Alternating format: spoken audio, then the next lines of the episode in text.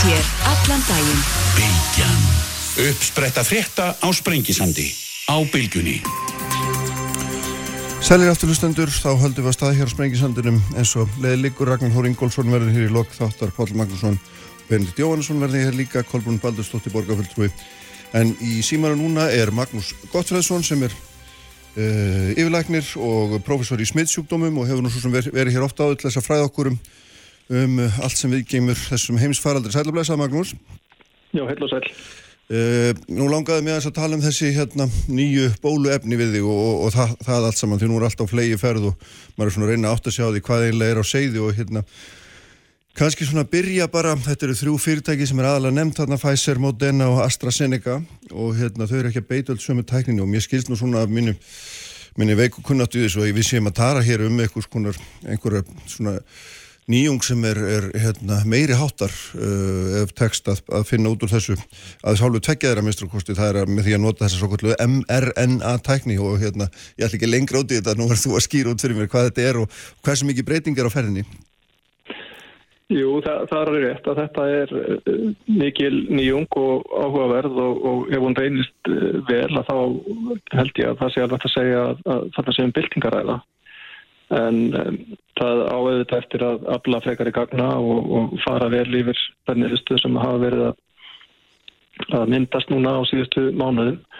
En uh, í grundallar atriðum að þá er þarna um að ræða uh, aðferð sem að uh, felur það í sér að kjart sér svona forskrift eða það má segja að þetta sé hálfgeir svona eins og uppskriftabók að henni er laumað inn í frumur líkamanns og þeim er þá kent að mynda þessa sammynd sem að veirun er algjörlega nöðsynlegt til þess að geta síkt frumur.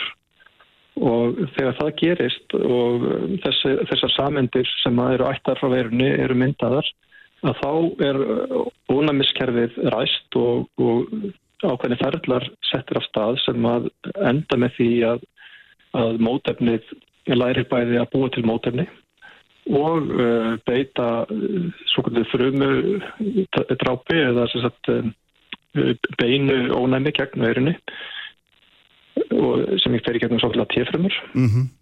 og um, og þannig uh, lærir líka minn í raun og veru að bregðast við þessum óvinni á þess að hafa nokkuð tíman komist í tæri viðan og uh, mRNA-samendin sjálf að hún brotnar síðan bara niður og hún fer í raun og veru bara beint í, í umfrimi frumunar sem það er spröytuð og þetta fer ekkert inn í erðaefni okkar eða, og fer ekki nálat okkar frumukjarnað en eitt slikt mm -hmm og um, það er auðvitað líka mikilvægt þannig að þetta er í sjálfu sér afskaplega einföld uh, hugmynd en, um, og hún hefur verið til bísna lengi en það hafa bara verið teknilegir örðuleikar sem hafa gert það verkum að þetta hefur ekki verið framkamalegt fyrir núna. Það hefur uh, hrjáð uh, allar tilvönir uh, um langan aldur að, að bæði var efnið svo óstöðugt og það, það allir heilmöklum svona eh, bólgusvörunum þegar þeir var spröytað hreinu í vöðva og svo framvegs og þetta er allt saman atrið sem hafa verið betrum bætt og, og,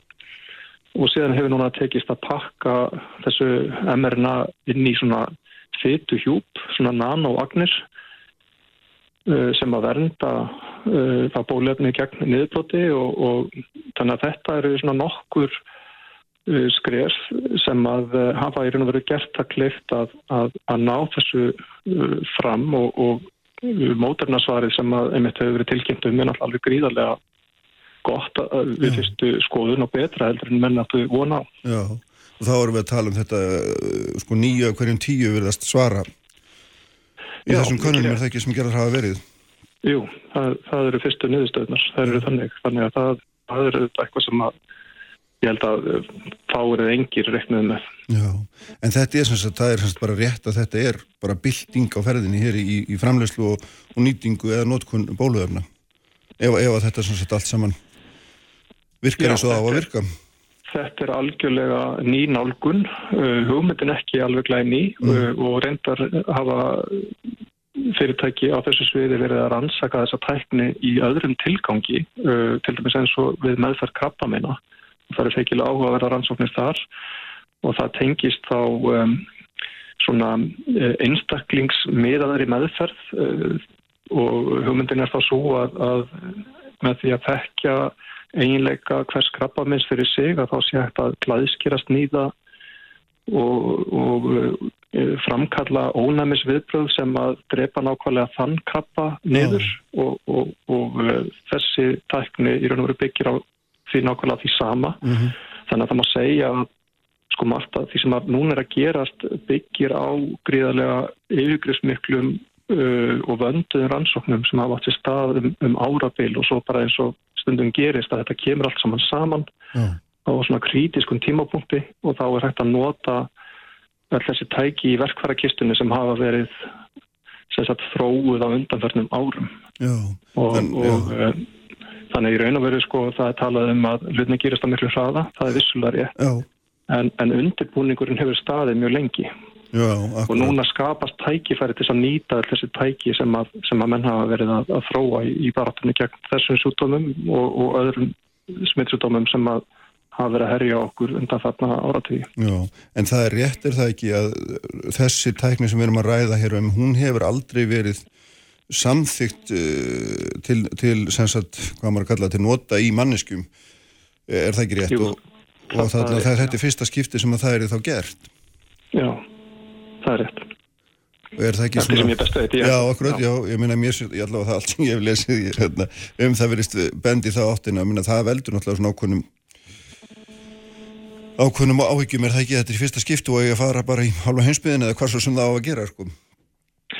Jú, það er auðvitað hérna eðlilegt að menn spyrja sig og það er jú ástæðan fyrir því að, að uh, þegar uh, leiði eru veitt að þá eru gerðar mjög ríkar kröfur um það að, að menn uh, síni fram á öryggi uh, þeirra bólefna sem að verða fyrir valinu á endanum. Og það er náttúrulega gert annars vegar með því að, að rannsaka þessi bólefni í gríðalegum fjölda einstaklinga og í öðru lagi á mörgum stöðum um, og í þriðja lagi með því að fylgja þáttækandarum eftir uh, býstna lengi.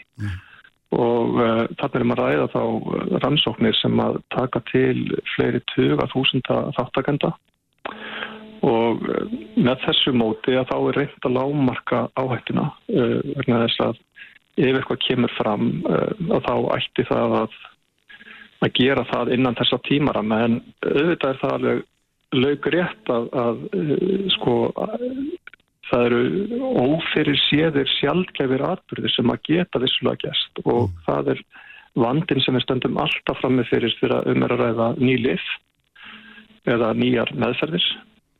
Við getum ekki séð alla hluti fyrir en þessi aðferðafræði sem ég var að lýsa þessi framkvæmd á þessum stóru rannsóknum að hún er beinlinis hugsuð þannig að, að við allar reynum okkar ídrasta til þess að að uh, hámarka árangurinn og lámarka uh, áhættuna fyrir alla sem að Mm. taka þátt því að við erum jú stætti miðjum heimsvaraldri og, og, uh, og, og uh, sviðismyndir sem að blasi við okkur fyrir mikið að bregðast við með einhverjum öðrum hætti heldur en undanfarið hefur verið gert og hún er náttúrulega ekki mjög góð. Nei, nei, það er auðvitað hár rétt uh, er hérna sko sko það sem alltaf skiptir líka miklu máli í þessu auðvitað er, er hérna svona, hvað á maður að segja hvernig, hvernig texta framleiða þetta og flytja þetta og, og svo framvegis. Og þá sér mann og reyndar að þessi, þetta sem við hefum mest verið að tala um þessi er reyna hérna möguleiki, það er svona erfiðast í þessu eftir því sem ég sýnist hérna að það þarf uh, mikla kælingu og það er hægt að flytja bara lítið í einu og svo framvegis hérna ólíkt til dæmis því sem að AstraZeneca hefur verið að þróa sem er að við sem miklu minni svörun en, en miklu auðvaldar og ódýrar að flytja og nota. Já, það er rétt. Það, það er einmitt uh, ákveðin annmarki og þess vegna gruna mig að, að, uh, að nótkun þessara bólefna verði svolítið mismunandi eftir því hvaða land eiga í hlut. Uh, þessi mRNA bólefni eru jú uh, dýrari og þau eru viðkvæmari fyrir hittast í. Þó að það sé svona blæbraðmunur á þeim tveimur. Annar, annar þarf að geima í mínus 70 til 80 og hitt í mínus 20. Mm -hmm. Um, en, en það er eh, ekki einfalt mál á, á mörgum stöðum í heiminum að, að að standa í slíkum bólusetningum og við slíkar aðstæður og við veitum það bara að jafnvel það sem er að ræða mjög stöðu bóluefni sem að þóla jafnvel uh, hitasteg við, við herbyggisita að það eru bara önnur vandamál sem að uh, gera það verkum að, að okkur tekst ekki ná til allra. Þannig að já, ég held að þetta verði uh, úrlösnarefni framtíðarinnar og næstu mánada að greina þarna á milli og þá höfum við líka vonandi aðeins meiri upplýsingar. Og svo hefur þetta verð áhrif. Uh, þessi RNA bóluefni uh, eru klárlega dýrari heldur en AstraZeneca bóluefnið. Mm og það mun vafalítið hafa einhver áhrif á það hvað verður fyrir valinu og, og hvar. Já, sko það sem er svona merkilegt líka finnst mér ef maður reynir eitthvað meina að þræða í gegnum þetta það er, það er eins og við tölum með mjög mikil hraði og ég var að kynna mér það í Breitlandi er ég vel talað um að það sé bara tíu dagar í að, í að hérna, starfsfólk á helbriðstofnunum uh, verði, verði spröytað og það er búið til nefna sérstakann bólusetningar á þeirra og, og svona, en samt ekkert meina á allt eftir að fara í gegnum þessar stopnarnir sem að þurfa að samþykja lifir, það þarf að gera það í hverju landi fyrir sig uh, og, og hérna, þannig að svona, það er einhver tókstreita og síðan þegar maður tala við svona varfæni vísindamann eins og þig þá er hérna auðvist að það er uh, svona, þessi tíma áallun getur nú farið í allar áttir, hvernig svona metur þetta? Jú, það er auðvitað alveg lögrétt. Þarna er uh, gríðarlega mikil pressa en það mjög mikið undir og þá uh, er ákveðin freistnivandi. Það er, það er þrýstingur að, að, hérna, að flýta sér og reyna að gera eitthvað í málunum og, og það er náttúrulega gríðarlegar hagsmunir í húfi en eftirlitsaðilar bæði í bandaríkjunum og í Evrópu hafa fullvisað uh, almenna borgara um að það verði ekki slegið af kröfunum og þetta var ju mjög mikið í, í deiglunni í aðranda kostningana í bandaríkanum þar sem að það var verið að beita pólitískum þrýstingi til þess að veita afslátt. Og það eru vissulega heimildir fyrir því að, að uh, veita flíti með þær þegar um uh, gríðarlegt neyðar ástand er að ræða. Um, en uh, ég hygg að, að þessar eftirlitstofnanir muni vinna þessa vinnu eins og þeim er uppalagt að gera og treysti þeim fullkonlega mm. Og, og eitt af því sem að hefur síðan kannski áhrif á það hversu vel gengur að fara yfir þessar umsóknir er það að allavega þessi tvö fyrirtæki sem hafa verið að þróa RNA-bólefnina þau hafa verið að, að veita aðganga sínum upplýsingum eiginlega í rauntíma. Þannig að eftirlitsaðarandir þurfi ekki að, að byrja því að opna möppurnar á, á blaðsíð eitt og fara í gegnum all gagnin fyrir að geta uh, kynnt sér gagnin og eru kannski komnir vel inn í það hvernig, hvernig framöndin hefur verið upp á síðkastin. Þannig að ferlinu hefur einfallega bara verið hraðað öllu frá, frá upphafið til enda þannig að núna er liggur kannski fyrir meira minna bara loka ákvörðun Já, ég held að menn uh, hafi verið að fylgjast með svona stefnunni í, í þessu öllu saman og þeir uh, eru klárlega með nokkuð góða mynd af því hvernig uh, sagt, sörnin hefur verið og síðan eru bara bætast við núna eftir því sem að tímanum, hérna, tíminn líður að það bætast við nýjar upplýsingar En þessi mynd hefur svona svolítið verið að skýrast á, á undanfarnum vikum og, og mánuðum. Þannig að ég held að, að þegar eh, loka ákvörnunni er tekin að þá er það vegna þess að, að eh, þeir hafa þá fengið kannski þetta loka pústli í, í myndina sem hefur verið að, að vera til núna svona á þessum tíma. En Já. það er ekki eins og þetta sé bara einhver mynd sem að þeir þurfa bara að skoða í sjónhendingu og síðan taka ákvarðin. Nei, einmitt. En þegar samt sem áður, svona, uh, sko, þá held ég, ég held ég hafið það bara beint eftir þér, eða mér minnir það að þú hefði sagt mér hérna síðast, eða þar síðastur varst hérna að sko skemstu tími í þróum bólefnis áður hafi verið fjögur ár og nú erum við að tala um kannski halvt ár eitthvað nálat því þegar að hérna, ef þetta, segjum að þetta myndir nú bara verða samþýtt í næsta mánuði í desember, þá er eitthvað nálat halva ára kannski ríflega það. Uh, og, og, og hérna maður auðvitað veldi fyrir sér hérna annarkvort hafa mann einhvern veginn görbilt vinnuleginu eða þá að það hlýtur einhver staðar afsláttur að hafa verið gefin uh, á leiðinni. Já, ég held að fyrri, fyrri skýringin eigi við. Verkleginu hefur verið gjörbilt og, mm. og þarna hefur náttúrulega komið upp bara neyð á, á þeim skala að allir hafa uh, saminest og reynd að vinna að því marki að flýta þessu sem mest má verða og, og um, það sem að hefur kannski komið okkur til hjálpar hér er það að eins og ég nefndi á þann að við erum með mörg öflug tæki í verkvæðarkistunni sem að allt ínu var hægt að, að nýta á þann hátt sem að rumbur vittni og uh, það er í raun og veru það sem að hefur flýttan sem mikið fyrir. Uh, við njótum þess líka núna að sko í fyrri heimsfaraldrum eða eða í fyrri faraldrum eins og til dæmis uh, að völdum ebola og í fyrsta faraldrinum með þessari sarsveru sem mm. að kalla hafl á íslensku mm.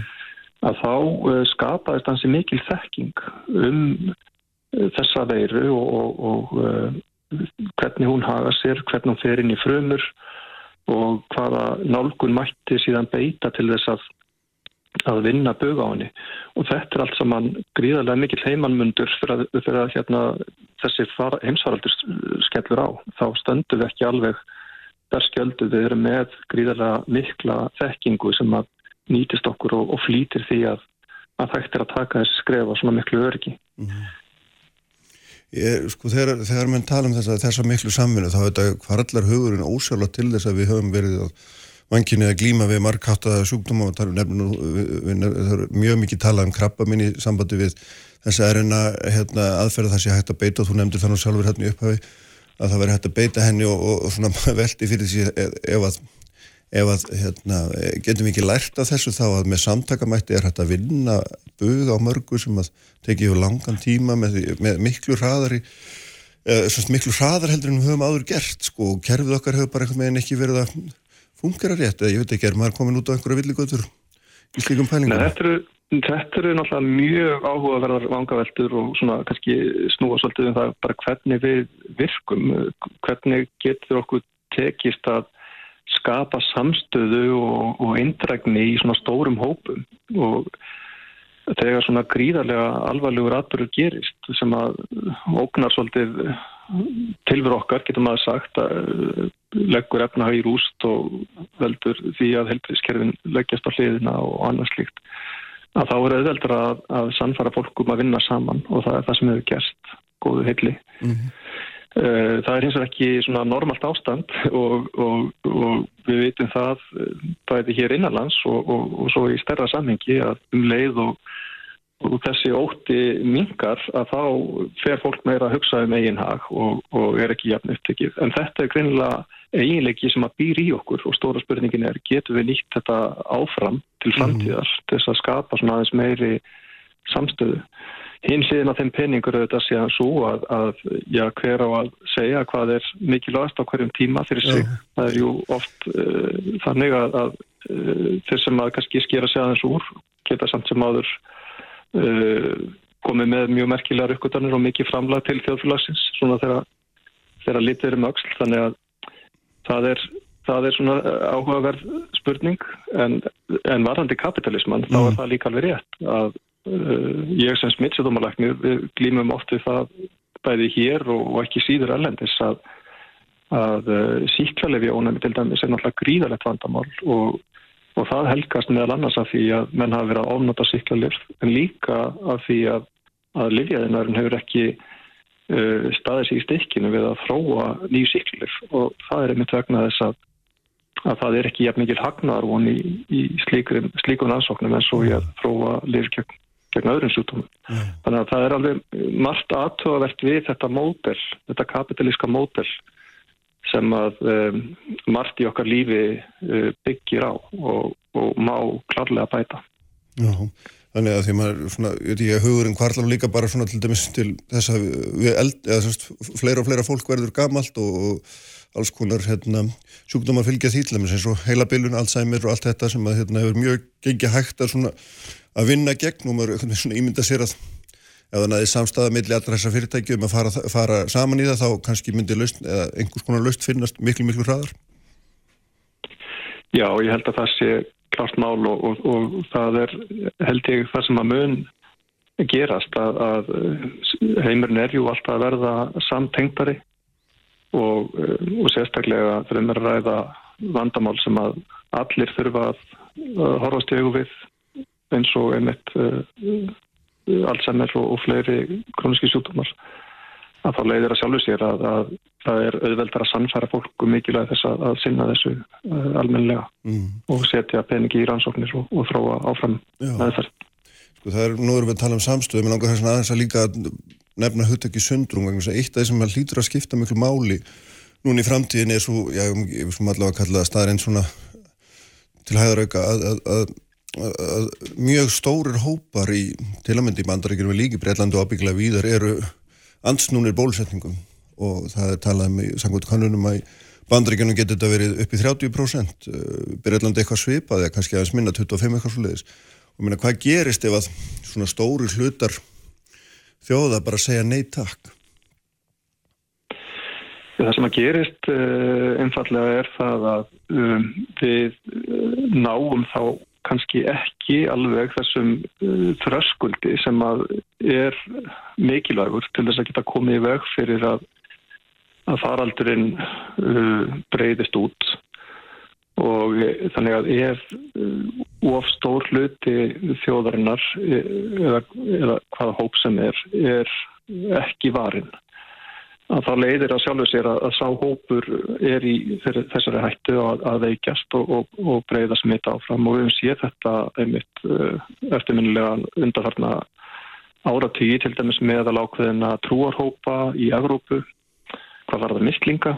Fóreldra sem hafa neita að láta bólusitta börni sín að hafa komið upp hópsíkingar í skólum uh, og innan söfnuða og það er það sem að mun gerast. Það er engin ástað til að ætla annað en að, að eh, veiran muni þá uh, hafa tækifæri til þess að herja á þessa almörguðu hópa og þá með þeim afleðingum sem við sjáum. Yeah. Uh, við veitum auðvitað að almennt eru börn uh, ekki mikið lasinn og, og það, það er sög sér en, en ef þetta væri til dæmis hópur sem að ekki letur bólusittja sig og ávið mikinn helsu vanda að stríða eða aldraðir að þá það afleðingar með vantala það er að þetta fólk fengi bara alltaf það fylgir kvilla sem við höfum verið að uh, verða vittnið að upp á, á síkastið og oh. það, þannig að það því þá áframhaldandi álag á, á hulbriskjöru og, og þjóðfélagin bara vísvegarum heim.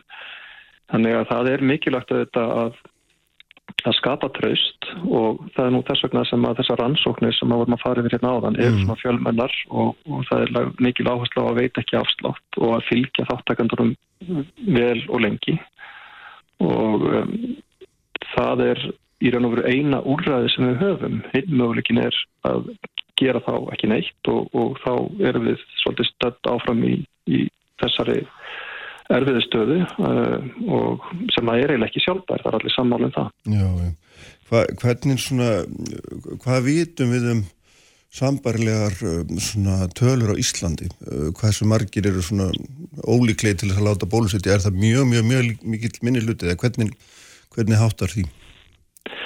Ég held að við stöndum mjög vel þar uh, og uh, þeir sem eru ansnúnir bólusetningum á Íslandi eru algjör jáðarhópur sem betur fyrr og uh, ég hef allavega séð svona bara það meðal kollega minna að minnstakosti að það er mjög mikil einhugur meðal þeirra og þess að ég heyri í, það má vel vera að ég sé einhverjum bergmálshelli uh, og kannski eru við það öll að einhverju leiti en, en sem betur fyrir þá held ég að við séum í góðri stöðu hvað þetta var það er tröst almennt á, á þessum ráðstöðunum sem hefur verið gripið til bæði sótandar ástöðunum þó að það séu vissulega gagninsrættir en, en ég held að það gildi það sama um, um bólusetningarnar. Mm. En auðvitað er varnaglinn þessi að, að við förum ekki að, að nota bólefni fyrir en að tilskilin leiði líka fyrir.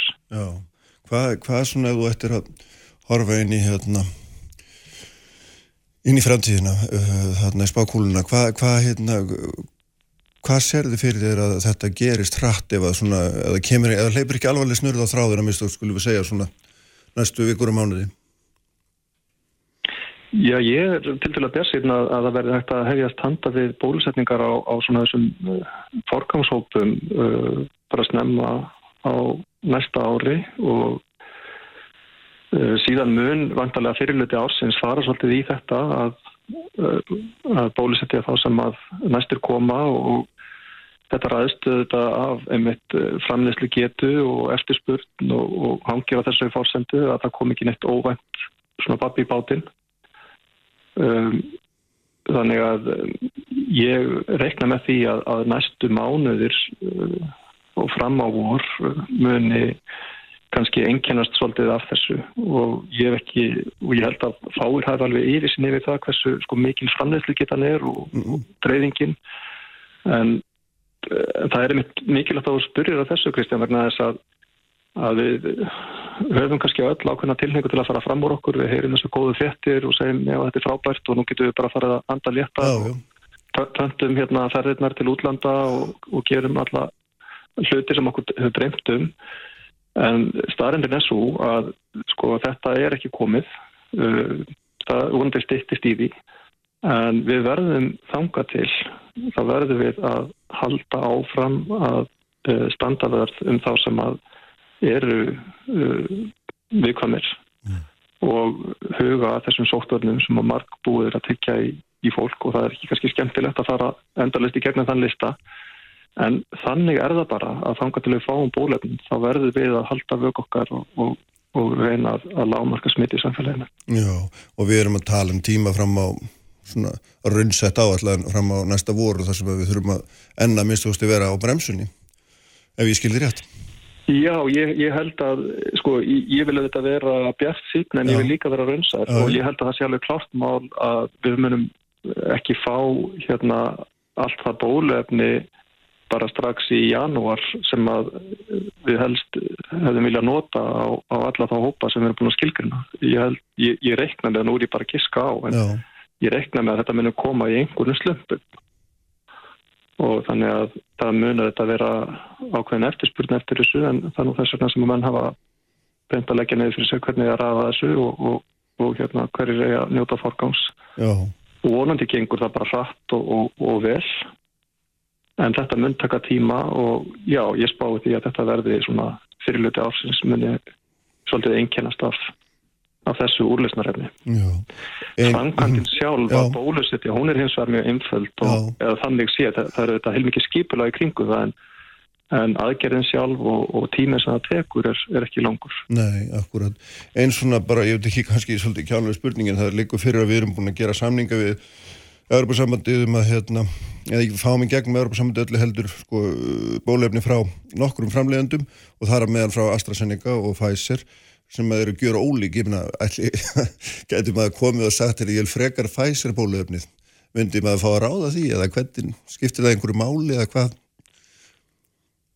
Sko það ætti ekki að skipta máli, e, þegar uppist að við þá ger ég ráð fyrir því að, að aðeins þau bóluöfni sem að standast gæðakröfur e, fái leiði og um, það kann að vera að það verði einhver blæbreðmunur fyrir uppistæðið, eh, til dæmis hvað varðar eh, svörun eftir aldurshópum eða meðal þeirra sem eru með eh, undirleikindi sjúttorn og svo framvegs. Þannig að hugsanlega verða þá leiðbenningarnar einhver leiti í mótun og, og tildekinn bólefni kannski frekar ráðlögð í, í þeim hópum sem að þurfa sérstaklega tiltekna tegund. Um, en eins og staðin er núna þá er lagt upp með það að, að þetta er alltaf vera bólefni sem að veiti eh, fullnægandi vörn og það er rannsóknir sem að liggja núna fyrir að það er, það er bænda til dæmis til að að AstraZeneca bólefnið að það framkallar ákýttismótarnasvar óháð aldri sem er auðvitað mjög mikilvægt. Já. En hins vegar hafa verið ákveðna spurningar um uh, eh, skamtastærð og hvernig best sé að sá, ná uh, hérna, tilsettum uh, árangri í tilviki AstraZeneca bólefninsins og það er bara umræða sem er í gangi núna já. og kannski efni í sérstaklega þáttar Já, já, nákvæmlega þetta er alveg, eins og nefnir, þetta er mjög merkilegt að þeir, hérna, þeir minguðu skamtin og náðu þá betri svörun þeir minguðu setni skamtin, var það ekki rétt skiljað mér? eða fyrirskamturinn sem var lægri. Var já, hann var lægri, já, já. en það er líka, seg, segir mann það að þetta er, þetta er í öllum tilfellum er það ekki tvær spröytur eins og, og mann þekkja þetta best í ögnumblíkinu. Jú, það er lagt upp með það að uh, það sé þannig. Svo kann vel að vera að, að við veitum meira að þá eftir vil kemur eitthvað í ljós sem að kemur okkur á uh, þægilega óvart að kannski er einhver sem að þurfa bara eitt skamt. Það er ómöld að segja. Já, já. Það er greinilega hérna, heilmarga spurningar en þá sem er ósvarað að verður hérna, gríðalega forvittnilega auðvitað að fylgjast með þessu eins og nefnir að þarna er byltingakendar hérna, nýjungar að ræða í, í, í bólöfnum. Já, alveg klárlega og, og eh, svo, ef þetta gengur allt saman vel að þá er vel hugsanlegt einmitt að til dæmis í framtíðinni verði hægt að fækka uh, bólusetningum, uh, til dæmis ungbarnabólusetningum hluta því sem hefur kannski verið svona vatnamillu þeirra sem eru andsmánu bólusetningum er að, að það, er, það eru margar bólusetningar og þetta er svolítið flókið skema uh -huh. sem er sett upp en það er einmitt verið bent að það að þessi RNA-tækni að hún mun hugsanlega gera okkur klift í framtíðinni að setja inn uh, mótarna vaka eða, eða framkalla vörn gegn mjög mörgum mikilvægum uh, veirum uh, samtímis og -huh. þannig að þetta verði þá miklu færri bólusetningar. -huh. Það er greinlegt. Það eru hmm. gríðarlega sóknarfæri í þessu. Já, já, nákvæmlega, spennandi tíma framöndan. Hérna, ég held við, hérna, látum þessu loki í bíli, Magnús, þetta er hérna búið að vera ygrist mikið og feikila fróðlegt og hérna eins og æmilega þegar þú kemur. Takk ennilega fyrir að með mér í dag. Takk sem er leiðis. Og við höldum áfram hér eftir ögnablík, Kolbrún Baldurstóttir, borgarfull, trúi verið þar hjá mér. Sprengisandur, alla sunnudaga á bylgjunni. Sprengisandur, á bylgjunni. Sælir aftur hlustundur, Magnús Gottrensson farið frá mér eftir gríðarlega fróðlegt og ykkur smikið spjall hér um, um uh, þessi nýju bóluefni og þá byltingakendu nýjungi í framlist og nýtingu bóluefna sem er í, er í pípunum ef allt, allt fer að óskum. Nú uh, þeir verða hérna eftir líka Pál Magnússon, aldingismöður Bendit Jóhannesson, uh, stofnandi viðreistnar, þar ætlum við að tala um sjáróðismál, Ragnar Þór Ingólfsson, form af aðferð verður hér í lokin, þá tölum við um hvernig aðgerðir ríkistjórnar og hins ofnbæra hafa hafa hérna, nýst heimilónum hann er, er frekar óanaði með það og vil hérna gera gaggjara breytingar á þessu öllu. En hér hjá mér er sest Kolbrún Baldurstóttir sem er borgarfulltrú og sálfræðingur, velkomin. Takk. Sko við ætlum að tala aðeins um mál sem að þér hefur verið hugleikið, bæði náttúrulega sem borgarfulltrú en miklu lengra aftur í tíman mm sem er, er þjónusta við, við börn með, þegar maður kallaða bara börn með sérþarfir í grunnskólakerfinu. Og þú eh, nefndi við með að það væru í dag einhver 800 börn í, og við erum að tala um grunnskólinni í Reykjavík hérna, 800 börn að bygglista eftir einhvers konar viðtali um það eða þjónustum eða vittneski um það hvað svona hvað þarfir þýrst að uppfylla og hvernig það væri gert. Þetta er svona stannindmál svo það er 800 börn sem býða Já, þetta er nokkur neginn svona það tilvísanir núna nýla voru 2165 mm -hmm. og af þeim er svona cirka helmingurinn sem hefur fengið einhverja þjónustu en hinn helmingurinn þarf meiri þjónustu þessi, þessar tölur, bílistölur, hef, þær hafa hækkað núna eftir að COVID skall á, þá þetta tafiðist að vinna í málu meðlilega og fleiri bættust mm. við, þannig að það var kúfur í haust og sennilega á vona á einum öðrum og þannig að þetta er búið að vera svona 500, 600, 700 einhver er búin að fá eitthvað en, en, en ekki allir. Þannig að þetta er alveg gríðalög fjöldibanna sem býður eftir ímist að fá greiningu og þá er ég ekki að tala um uh, eitthvað greiningu sem kannski er óþörð það, það sem fólk er sammálu um að barni þarf nánari greiningu, kennarar, fagaðilar sammálu um það.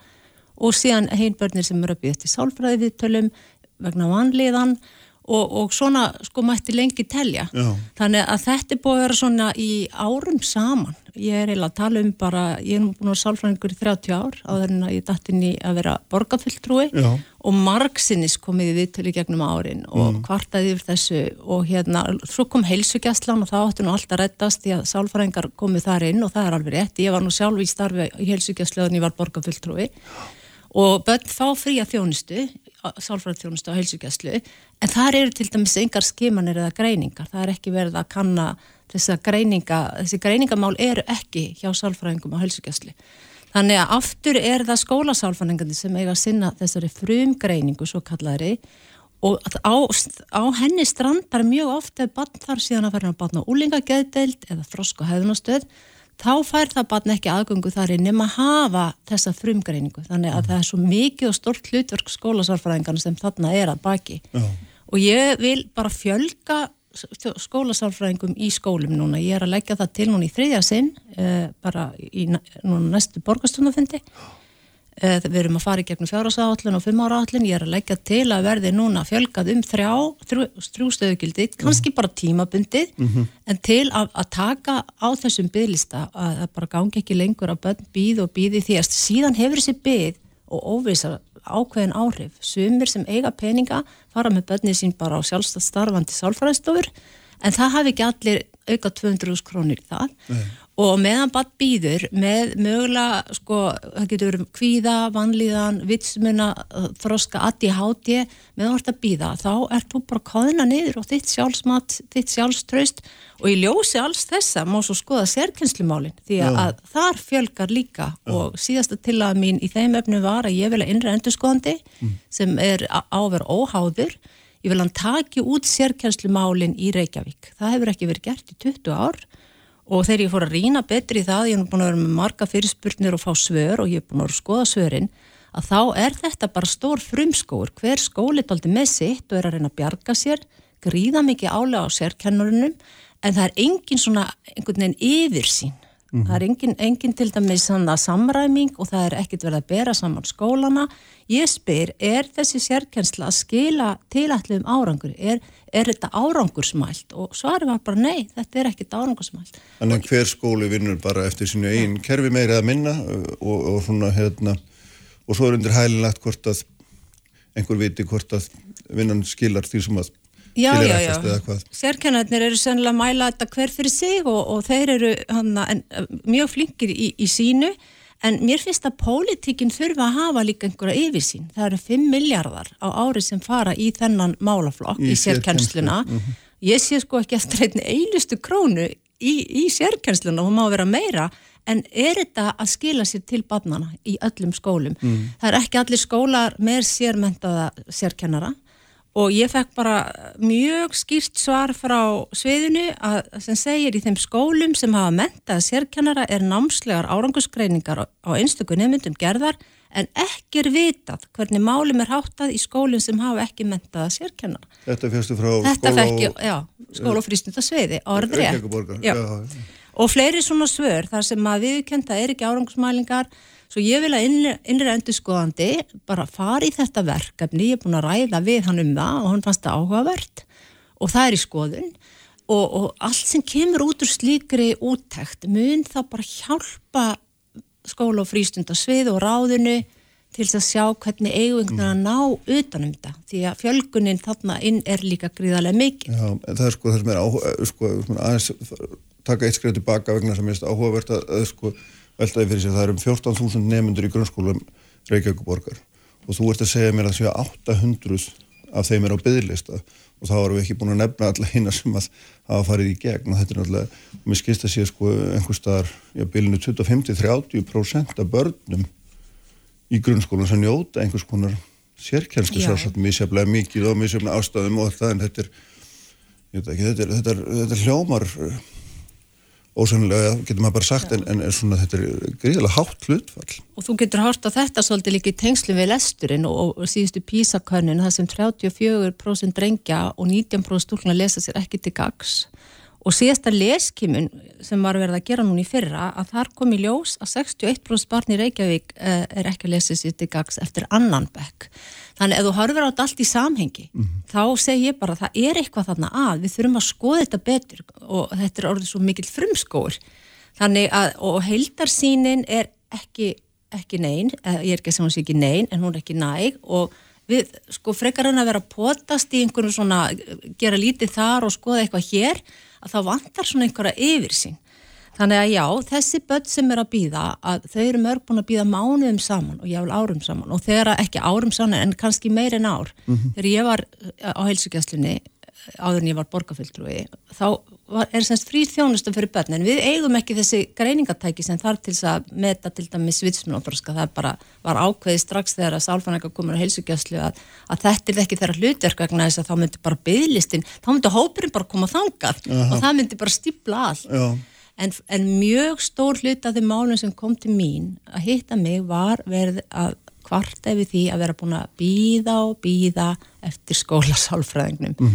til þess að hægt verði nú að fá úttækt, þetta voru börn með, með hérna, vísbendingur með ADHD og þeim var farið að líða illa, það er þessi skóli án aðgreininga en sem síðan vantar bara inn alla, alla þessa þjónustu þætti og það er síðan sérkjenslan, það eru smarri hópar og það er verið að reyna hitt og þetta til þess að mæta ólíkum þörfum barnana því að ég hef alltaf sagt þessi skóli sko, án, án aðgreiningar hann er yndisleg hugmynd en hann er bara ekkit að virka vegna þess að það vantar í hann bara fullt af peningum, það vantar í hann að bæta við sálfræðingum sérkennurum, yðjúþjálfurum, þroskaþjálfurum, talmeinafræðingum, hegðunarfræðingum til þess að mæta þörfum já, allra. En núna erum við náttúrulega farin að tala þá um eitthvað hugtak uh, skóla sem er einhvern veginn alltaf öðruvísi heldur en svona hefðbundi skóla hugtak. Er það ekki? Jú, sko, sér, svo eru sérskóla úræðin, við erum náttúrulega með mm. klettaskóla og brúarskóla. Uh, ég hefði viljað auka þau úræði því að ég veit að sumi fóreldrar vilja að börnin sín bara séu að stundar ná með jafningum. Það eru dæmi um að börn eru sett inn í almennabekk sem bara líður ekki vel þar, upplöfa sig bara einhvern veginn, þannig að svona ekki vera uh -huh. eins og þau -huh. og þau eru, það verður að taka þau oft út úr bekknum í sérkennsluna og í smæri hópa en þá hafa sumi fóröldra sáttið mig, ég vil bara að barnið mitt komist í klettaskóla, uh -huh. þar sem það getur bara verið bara þá toppnefandi og með sínum jafningja og er ekki alltaf að finna svona lítið til sín en þar er bara allt sprungið og það er bara bygglisti líka og brúarskóla líka. En síðan er verið að kaupa Er, er þetta sprungið af því að uh, það ekst svona mikið eftirspurnin? Eh, þú veist að því að við erum stöðut að greina fleira og fleira, þurfa fleira og fleira þurfa úrraði, við erum að hérna, gera þetta kannski, getum bara sagt, við gerum þetta betur og betur og betur og greinum betur og betur. Og þar með hérna, ekst á fjöldi sem þarf sér þarfir, er þetta sprungið að heim ástæðum eða er þetta sprungið að því að við sem samfélag höfum ekki nægan áhuga á þessum hópum? Nei, ég held þetta sé fyrst og fremst er upphæðið að því að barninu þínu líður ekki vel í skólanum. Og það vill ekki fara í skólan og það er að sína kvíða engin og þá farða að skoða hvað er að. Og þá fer ímislegt að koma í ljós, það getur verið námslegt, það getur verið andlegt, hvað eina Og, og því að ef að barni er glatt í skólanum og er alltaf ganga vel þá er náttúrulega ekkert engin að hafa ágjör að því. Þannig að þetta, þetta hefst allt í því að það kemur í ljós að það er eitthvað að. Og þetta sést oft í fjagra ára skoðinu helsugjastlu, það eru vísbendingar um námsörleika, lesblind og annars líkt ég hef viljað hafa meiri samvennu millir skóla og helsugjastlu þannig að þessar niðurstöður fjagra ára skoðin komi strax inn í skólana þá er hægt að undirbúa þess að snemntæku í hlutun og hafa hana markvisari. Mm -hmm. Ég hef lagt til líka samfunni við þróska högunastöð til þess að vera strax búin að finna börnin með ADHD sem þurfa að heita barnalæknir og mögulega skoða lifja meðferð þannig að þau þurfi ekki að býða fyrst á lista til þess að komast til skólasálfræðisins svo fara þær aftur á bygglista til þess að komast á þróska högunastöð. Mm -hmm. Þannig að það er alveg tvöfalt kerfi og alltaf verður þetta langir listar. Já og svo má spurja býtu, akkur er allur þessi hópur barna í þessu mannlíðan, námsörðuleikar, fjölgun, allstaðar. Mm. Það er síðan bara, ég vildi ætti eitt gott svar við því, Kristján, þá erum við nú í góðum málum. Já.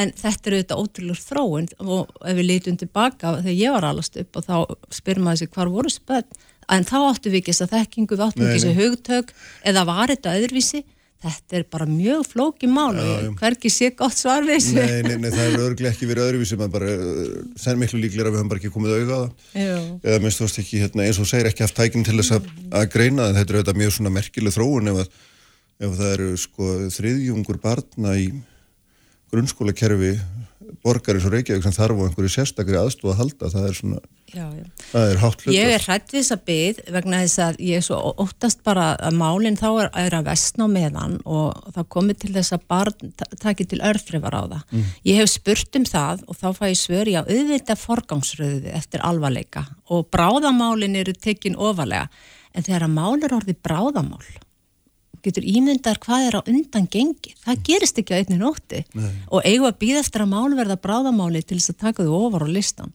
þannig ég fengi alls konar svör og það nýjasta sem ég er að fá svör við núna því ég vil bara fara að fjölga sálfræðingum, mm -hmm. ég vil auka þess að samfunni við heilsugjæslu og þrósku höfðunastöð ég vil fara með skó, skólasálfræðinguna inn í skólana, þeir eru staðsettur á þjónustumiðstöðum. Það sem ég fæ núna að heyra er að já, nú er að koma svo flott frumvörp á þinginu Nú er barnamálar á þeirra að leggja fram farsaldafrumvarpið og samþætti, þá samþætti alla þjónustu og það er alveg rétt. Ég meina það mátti sjá í viðtali við barnamálar á þeirra í blæðinu gæra. Þetta er allt saman hana, mjög metnafyllt en við erum ekki að tala um þetta fyrir en fyrsta lagi 2022.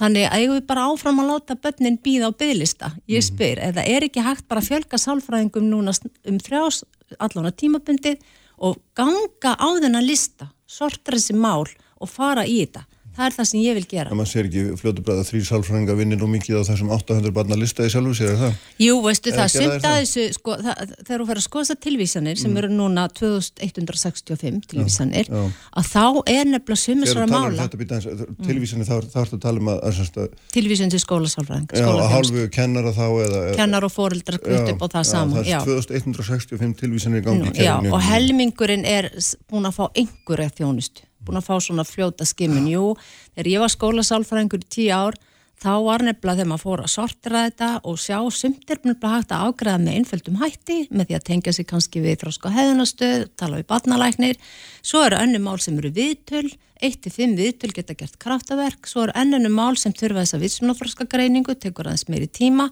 Þannig að þegar er gengið svona röskla til verka með auka hóp þá er mjög mikið hægt að gera. Mm. og það er það skemmtilega við það ég, ég skil ekki okkur um ábargi gera þetta, fara með sálfæringarna inn í skólana sem þeir eru til taks. Eru þetta er að fara út í skólana aftur alltaf yfir á þjónustumistu sem eru með aðsettur þetta tekur tíma Þannig að hérna ég sé fyrir mér að frekar hann að setja peningana í, já, ég ætla nú ekki að nefna eitthvað sem mér finnst óþarfa endilega núna hér, nei, nei. en það er vel hægt eftir cirka 40-50 miljónur á ári, ég er búin að fá þetta að reikna út fyrir mig fjármálastjóra og ég vil enná aftur reyna að, að gera, gera þetta aftur, að leggja þetta til. Frekar heldur en bara að leiðis og danka svona áfram sem við búin að gera núna bara árum saman. Já, við skulum hérna vona að þér verði ágengt með þetta. Takk fyrir að koma. Fara yfir þetta með okkur, þeir verða hér næstir hjá mér. Pál Magnússon og Benedikt Jóhannesson þannig að við nú að tala um, um sjáurúdeg við endum okkar hvaði kross. Sprengisandur. Á bylgjunni kraftmikil umræða alla sunnudaga. Sprengisandur á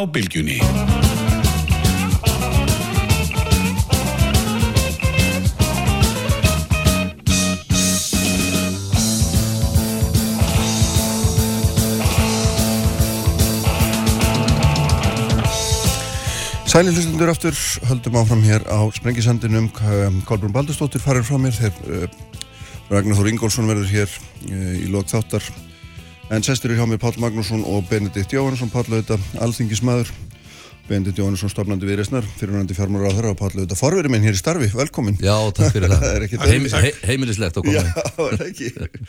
Þetta er endur ekki á sama stað. En, ekki á sama stað? Nei, nei, einmitt. En sami tæknimaður og var ástu? Já, ég veit, það er nokkvæmlega útsýnið fallir að núna. Mm.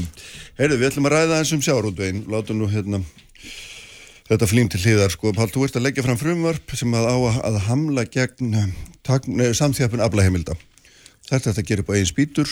Uh, þrátt fyrir að sjárótsráðarannin sé með í vinslu eftir því sem ég best skil frumvarp um hérna, breytingu á hugtakinu tengdir aðeilar sem að hérna er nú svona eitthvað í sömu áttina í það minnsta. Akkur ert á þessari vekkferð? Já, það er í sömu áttina, en Já. það má segja að uh, fyrirætlanir um frumvarpum tengda aðeila sé samt, ég sko, hinn hliðin á peningnum. Þetta er þannig, til að reyna að koma þess að manna mál, mm. að þá er í fiskviðistjórnunarlögunum þak sem á að koma í vekk fyrir það að of mikið af aflaheimildum sapnist á of fáar hendur. Þetta þak er, ein viðmiðunin er það að engin einn aðili má fara með meira en 12% af heildar aflaheimildunum við Ísland. Þversögnin hins vegar í fiskviðstjórnunarlögunum er svo að þessi aðili sem hugsanlega væri komin upp í 12% hann getur hins vegar keift 49,9% mm. í öllum öðrum sjávarútusfyrirtækjum á Íslandi án þess að heimildir þeirra teldust til hans mm. eða bættust við. Með öðrum orðum ef þú tækir lögin allt til enda og afleiðingar eðra, þá gæti þetta verið enda þannig að það væru áttafyrirtæki mm. sem ættu hvert um sig upp í þakkið 12% en eitt þeirra ætti síðan helmingin í öllum hinnum. Mm. Þetta tel ég vera mikla gloppu í lögunum og ég vil presta þess að laga það með þessu frumvarfi sem segir einfallega og best að skýra það með dæmi. Mm.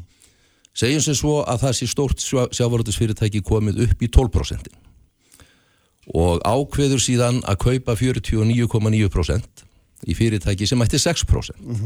Þá að gildandi lögum myndi ekkit gerast. Það ætti bara sín 12% og fyrirtæki sem það ætti helmingin í var að kaupa. Þærra aflaheimildir eða þess aflaheimildir myndi ekki teljast til aflaheimilda kaupandans. E, með mínu frumvarfi hins vegar þá myndi hlutfalslega aflaheimildir þess fyrirtæki sem var keift teljast til þess sem keifti. Með öðrum orðum, hann myndi þá eignast 3% til viðbótar sínum 12 og væri þá komin upp í 15 og búin að sprengja þakkið. Mhm. Þannig að það væri ólulegt. Það var ólulegt, já. Já. Hvernig líst þér á þetta? Er þetta ekki mjög ykkar handa? Já, sko, mér finnst þetta að því það má eflust deila um þessi 12% hvort þau eru ákvarðat réttatalan en ef við erum með einhver svona viðmiðun þá ánáttúrulega að fara eftir því og uh, mér finnst uh, svona hugsunin hjá Páli vera ágætt að reyna að laga þetta. Finnst hann reyndar ekki ganga nú á langt vegna þess að uh, fyrirtæki sem á 49,9% í einhverju öðru fyrirtæki stjórnar því náttúrulega. Það er ráðandi hlutur.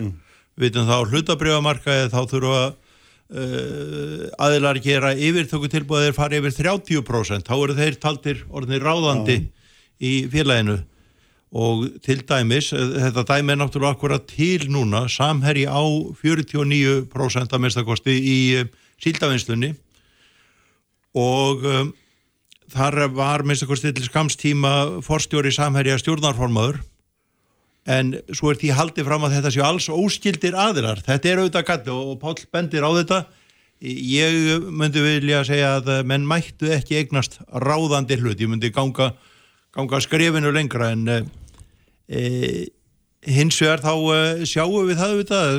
Kvótin er að færast á e, færri hendur og það er ekkit að öllu leiti slæmt það er að segja að það getur verið bara meiri hagræðingi því að það sé meiri kvóti á á, á færri stöðum en ég held að uh, það væri nú ekki heppilegt að fara uh, að er þau færri heldur en átta fyrirtæki eða færri en tíu eitthvað svo leiðist, það held ég væri nú óheppilegt og ég reyndar er nú þeirra skoðunar að þegar að fyrirtæki eru komin yfir ákveðna stærð í kvóta þá ættu þau að vera á markaði. Bara almenningur ætti að geta tekið þátt í útgerð þessar fyrirtæki til dæmis að þau ættu meira en 5% af kvótanum og þá væri það bara skil, skilirði að skrá fyrirtæki á marka. Ég held að það væri mjög holdt bæði gott fyrir fyrirtækin og ég held að myndi draga úr deilum um kvotakjörfuð.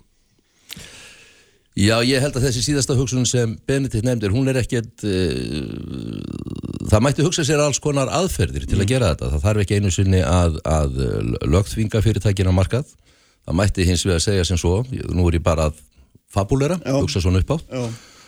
að ef menn heldur þetta vega mikið sjónamið þá mætti segja sem svo að þakið fyrir þau fyrirtæki sem væru á markaði væri eilítið hærra heldur en þeirra sem væru ekki á markaði -hmm. það mætti hugsa sér að segja sem svo já, ef þú ferð á markað ef þú ert almenningslutafélag já, þá bætast 2% við sem þú mættir eiga þú mættir eiga, þakið þitt væri 14% en þak þeirra sem væri eitt að ma- Því einu á eignarhaldi væri já. dreifðara þá væri þetta ekki Svona mættu hugsa sér Já, að gera þetta já. með einhvers konar kvötum í staðin fyrir lögþvingun.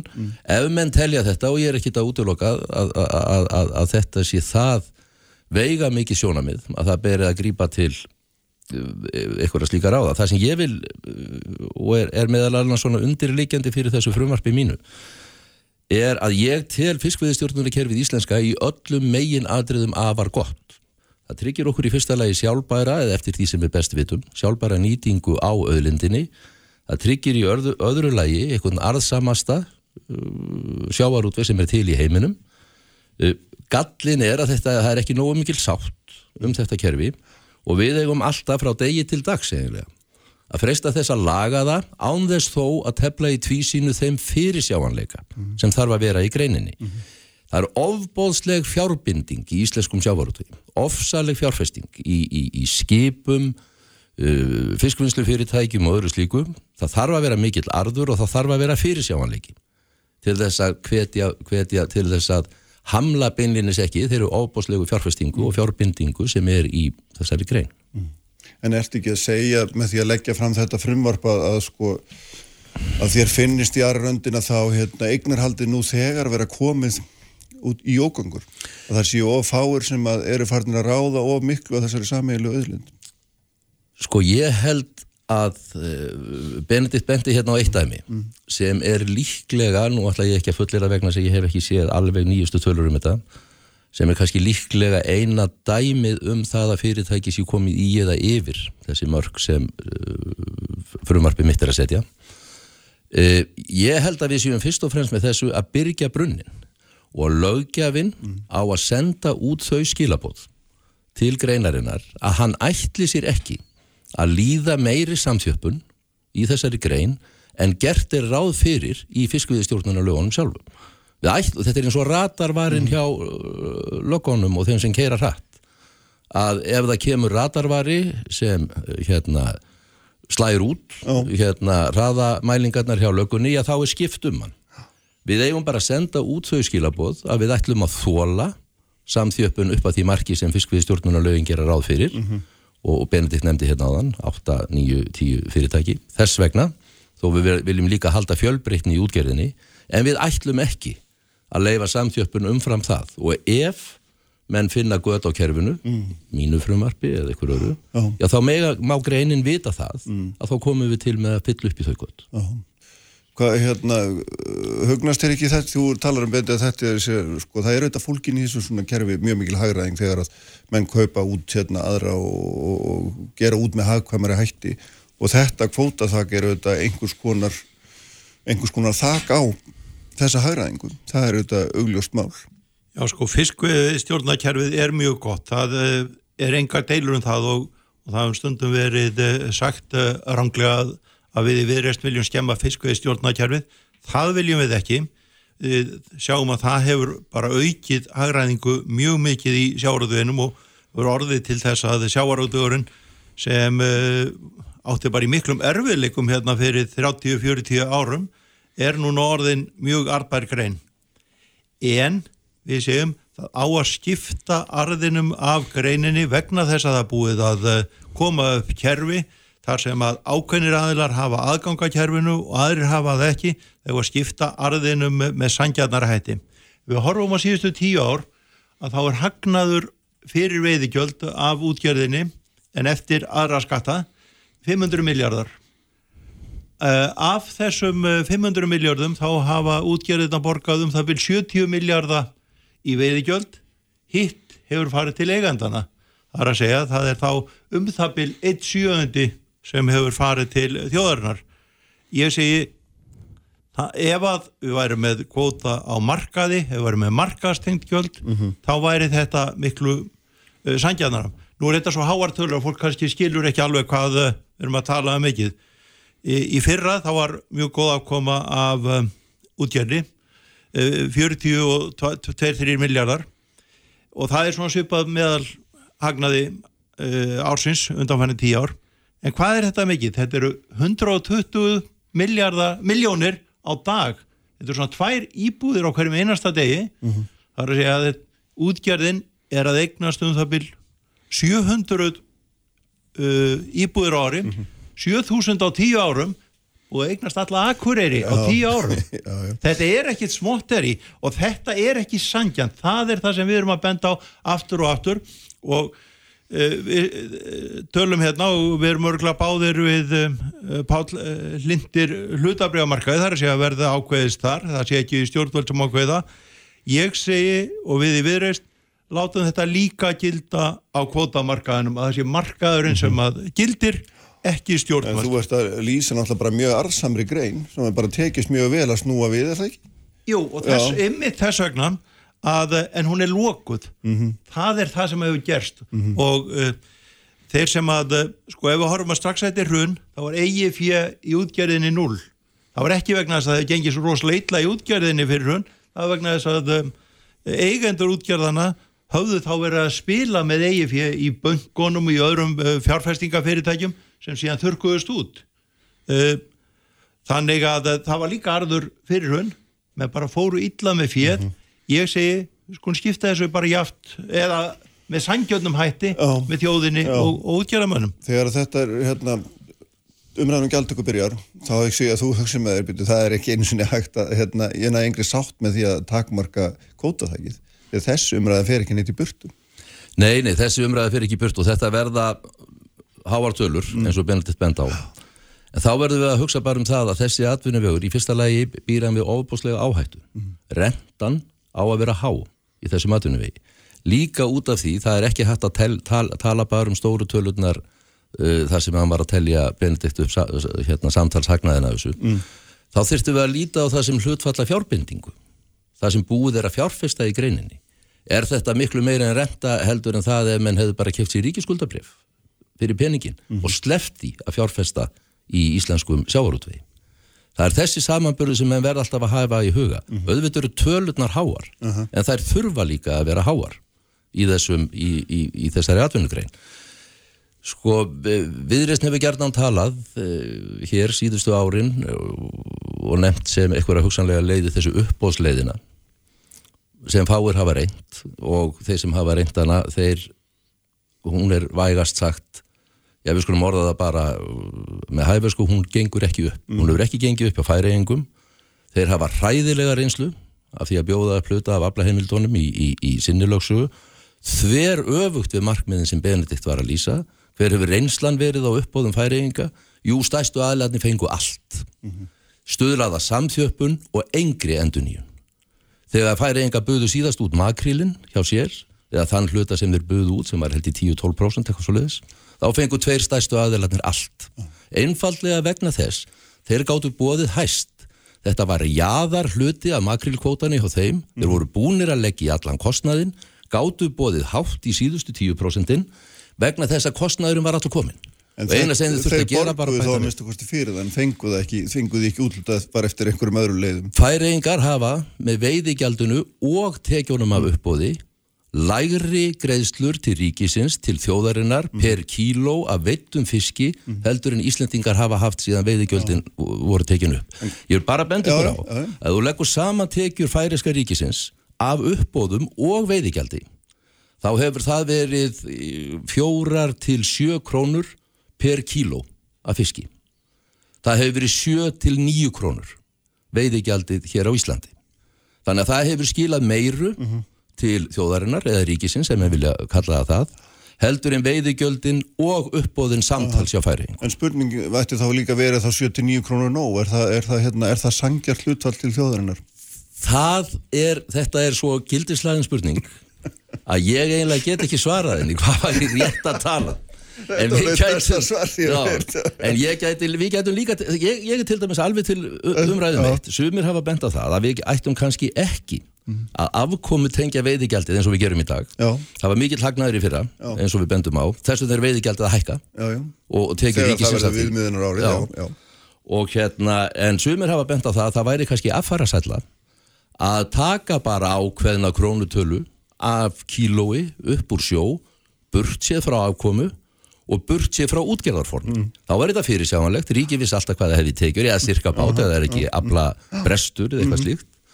Og við ættum ekki að vera afkomu tengja þetta með þeim hætti sem við gerum í dag. Ég er sjálfur ekki alveg búin að gera upp hugminn. Mér finnst ákveðna rauksemdir mæla með því að þetta sé bara per kíló per tegund. Og hérna, en ekki að gera þetta eins og í dag. En, ég, en það eru sjónamið með og á móti báðum þessum leiðum. Uh, Þú ert ekki, þú ert ekki tilbúin að svara því hvort þið 79 krónur vera sangjart. Nei, eða 11 til 12 Nei, ég bara, nei, nei. með brestur eiginlega bara ég held að geta enginn svaraði það er ekki hægt að segja bara við viljum meira við viljum meira, það þarf þá að raukstiðja þetta Nei, en þetta er nefnilega með það sem að við eigum ekki að vera að ræða. Það eiga stjórnmálamenn eiga ekki að vera að ræða hvað er nóg. Markaðurinn á bara að ákveða það. Ef það gengur rosalega vel og ákveðum fyrirtæki erum vel rekin, þá geta þau bóðið herra. Uh, Páll nefnir að þá geta það safnast og ofáar hendur. Nei, við erum líka með uh, sko, reysum skorðu við því uh, eins og til dæmis uh, uh, Páll er að gera núna með sínu nýja frumvarpi. Það er engi vandi að reysa skorðu við því að einn aðili fái ekki allt saman, bara rétt eins og við gerum núna. En að stjórnmálamenn sé að ræða það, já, eru 7 krónu nóg, eru 11 krónu nóg, eru 23 krónu nóg, það eigum við ekki að ráða. Útgerðin á að ráða þessu sjálf, hún ræður því ef að menn að berjast þú um væri þetta til á að, þú markaði. væri til í að sætta því lægra gjald Hvað, markaðurinn hvað, ákvæða hvað er eðlilegt verð á brífum heimskipafélagsins? Nei, það veit ég ekkert um. Nei, veitu, þú þarf nefnilega ekki að vita það vegna að markari sem ákveður það fyrir þig. Já. Og við getum fletti upp En þú nákvæmlega sést hvað að er væri sangjönda til verði. í að sætta þig við miklu minna þessar 70 miljardar sem varst með aðan ef að markvæðurinn hefur ráði. Það er, þú, það- þú ætlar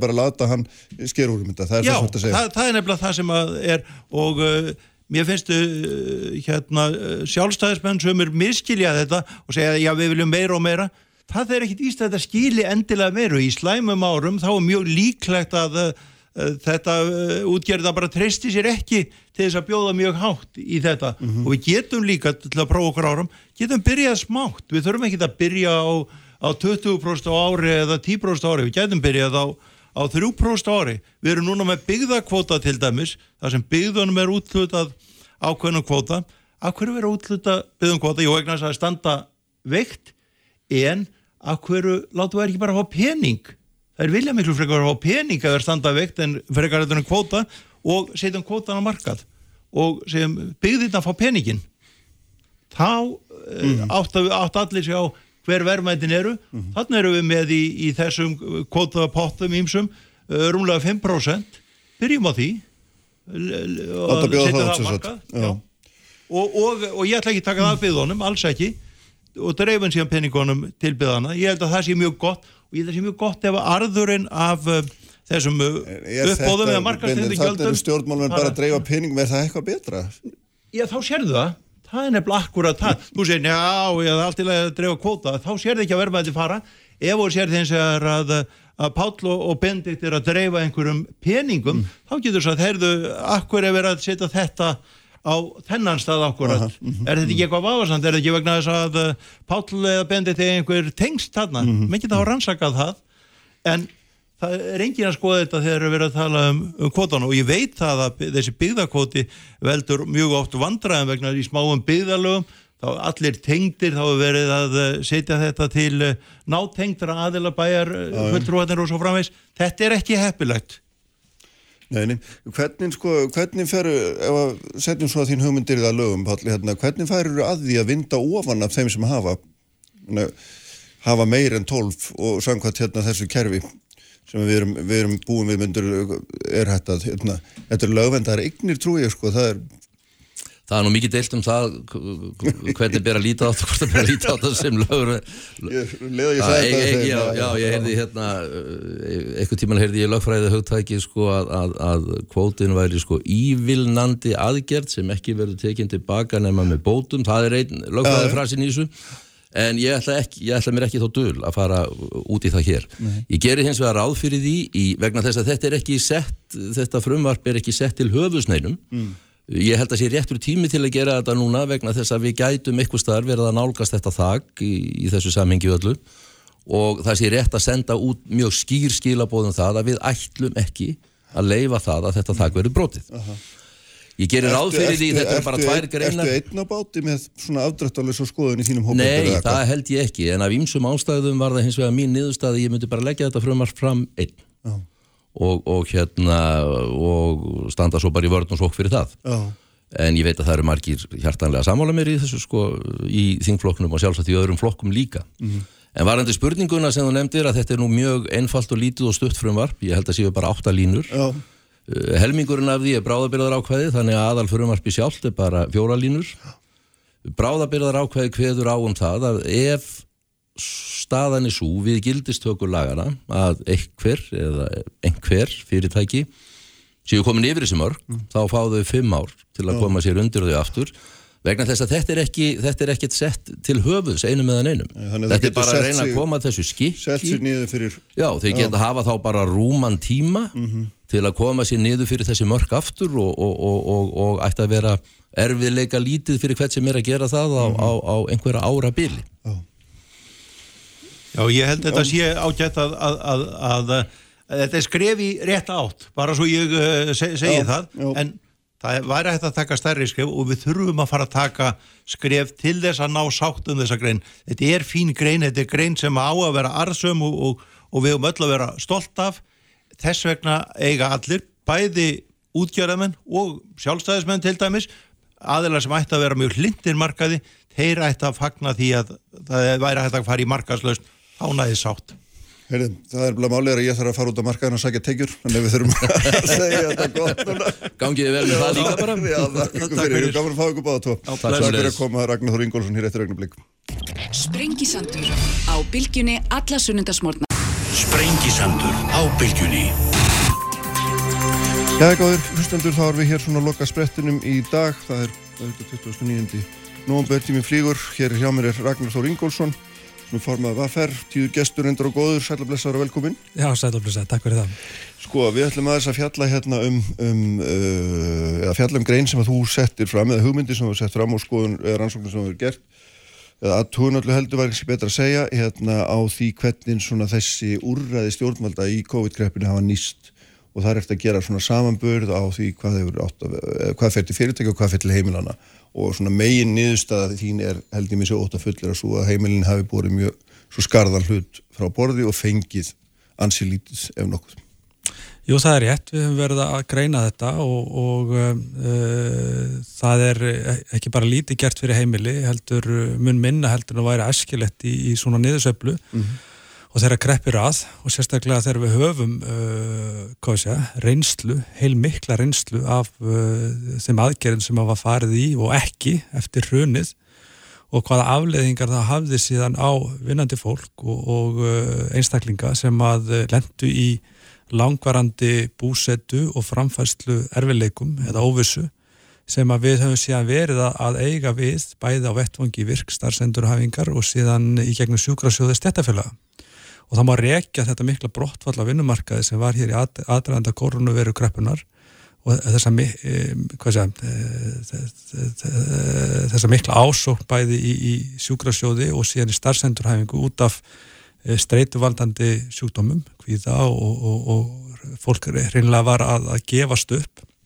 og þetta getur við rakið til þess að, að þeirra fólk þarf að djókla mörgum mm, boltum mm -hmm. mjög lengi mm að þegar að kannski svona aðeins uh, það fær andrými til þess að, að, að endum þetta stöðuna að þá er oft sem það allt hrinnur og fólk hrinna lendur á vegg og, og okkar ansóknir benda til þess að, að þetta má að miklu leiti eh, rekja til uh, þeirra óræða sem var ekki færði í, mm. í mhm. eftirmálu hrunsins og þetta eins og sé þessi langa barátt sem að uh, þúsundur heimila, tjóðþúsundir einstaklinga og heimila sem að voru í að, að halda upp öllu þessum boltum, berjast við að ná endur saman og uh, voru í mikill óvissu í, yfir mjög langan tíma. Mm. og þetta er ekki bara okkar rannsóknir heldur líka stiðja við þetta aðra rannsóknir. Og þess vegna teljum við mjög brínt að, að það sé farið í, í sko ekki bara aðgerður og úrræði sem, að einhverja, sem, sem við slumpum á heldur fyrst og fremst að greina það sem búður að gera og greina það sem vantar að gera og við erum svo sem ekki að gera lítið úr stöðningi til fyrirtækja Nei. hins vegar við að benda það að það hefur allt og lítið og uh, já, lítið sem ekkert verið gert fyrir heimilin og einstaklinga meða við það sem búður að setja í, í aðra þætti. Já, nú sko, ágætt aðeins að hérna, bökkum aðeins að, hérna, að því að við, þú notar hugtak heimili svo stundum talar af vinnandi fólk og þetta er það er þetta fullt af aðgjörnum hjá ríkistjórnunni sem að beinast að þessu vinnandi fólki, það eru hérna atvinnuleysinsbætnar sem er að vera að hækka eða, eða hlutabóta leið og allt svo framvegs og allt náttúrulega rennur þetta með einhverjum hætti inn í heimilin ekki satt. Ég meina, þú, þú aðeins skýrða aðeins betur hvernig þú ert að hugsa þetta og þannig er Þannig er auðvitað um að ræða að markáttar aðgerið sem að maður getur flokkað sem stuðningu fyrirtæki en er auðvitað líka í sjálfsig stuðningur við við þá sem eru að vinna, launa fólk og þar með við heimilegsat. Jú, þetta er alveg hár rétt hjá þér og, og við, við skulum ekki ruggla saman sko sérstökum COVID-aðgjörum og segja mm. það tryggingar sem fólk hefur uh, á með réttu og hefur barist fyrir í áratvíi eins og aðlunlistryggingar, eins og með orlofi til dæmis, ég meina við getum ekki verið að setja þetta undir einhvern hatt uh, sérstaklega aðgjara ríkistórnarinn, við höfum borga fyrir mm -hmm. uh, aðlunlistryggingar uh, með trygginga, tryggingagjaldi og auðvitað koma sveplur í það og, og því miður, svona djúpa sveplur eins og nú er, en við megum ekki blanda þessu sama við uh, þessa sértæku aðgjara ríkistórnarinn út af COVID-kreppunni. Og það er líka rétt eins og þú ert að gefa skínvandala og benda á að eins og hlutabóta leiðin að, að Eh, auðvitað eh, gagnast það okkur í reyfingunni og við erum alveg sammála því að það sem er verðmætt fyrir eh, vinnandi fólk og verðmætt leið að halda atvinnusambandinu og sömulegs fyrir fyrirtækin líka, ekki glima því að já, já, það er mikið verðmætt svelst í því. já, þannig að auðvitað má deilum það fyrir hvern aðgerðnar eru en ef, ef við skiptum þessu til helminga þá hallar samt mjög mikið á, á heimilin og einstaklinga og sérstaklega þá uh, 2000 sem eru núna án atvinnu og stefna í það að fara og strýpaða bætur innan skams mm -hmm. að uh, til dæmis aðgerðins og hækkun aðvölinnsbóta, hún dugar mjög skamt þó svo að uh, fórsetistráður að hafi tilkynnt að, að 17.000 krónar hækkun og aðvölinnsbótum ætti að tryggja ákveðin fyrirsjáanleika hjá fólki mm. inn í framtíðina að þá er það náttúrulega bara fjarið sanni mm. og reyni í einhvern tengslu við raunveruleikan og, og þessi hækkun aðvölinnsbóta sem er líklegast um 11.000 krónur í vasan að hún mun ekki einu sinni duga fyrir verðlashækkunum á nöðsynavörum sem hafa verið að, að, að koma yfir að miklu þunga núna síðustu misseri. Hvað, hvað, hérna, hvað, ég veit að þú ert hérna, með hugmyndur um það er það ekki, hvaða aðra leiðir var hægt að fara, hvernig, hvernig þú sér fyrir að þessi speini stuðningur við heimilin er þið aukin? Já, sko, ef, ef við bökkum líka aðeins mm. að þá hérna fóru bankar og lífrisjóður í fristingar í núni í vor, bauð upp á 3-6 mánuða fristingar á, á, á lánum.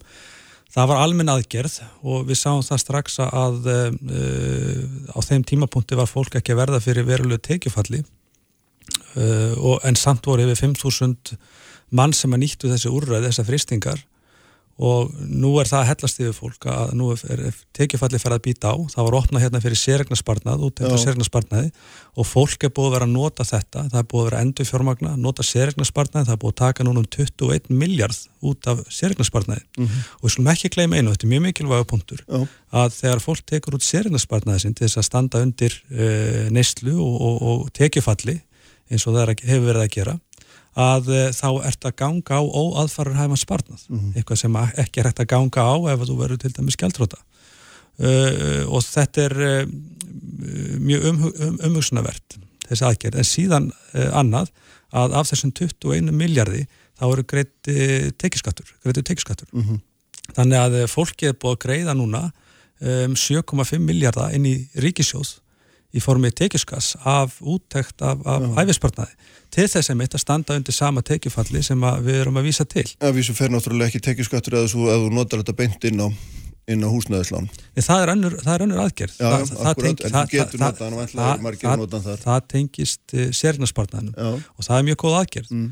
En, en bein úttekt á, á sérnarspartnaðinum að, að hún er tekjuskaskild og, og Já, þannig að hún fer, hún fer bara beint í ja, þú getur ekki tekið út sérnarspartnaðin og greittan ennum húsnæðislan og þú gerir það í gegnum sko, innstæmi af, getur... af, af, af hérna af uh, sér, af sérregnarspartnaði sérregnarspartnaði sem kemur inn.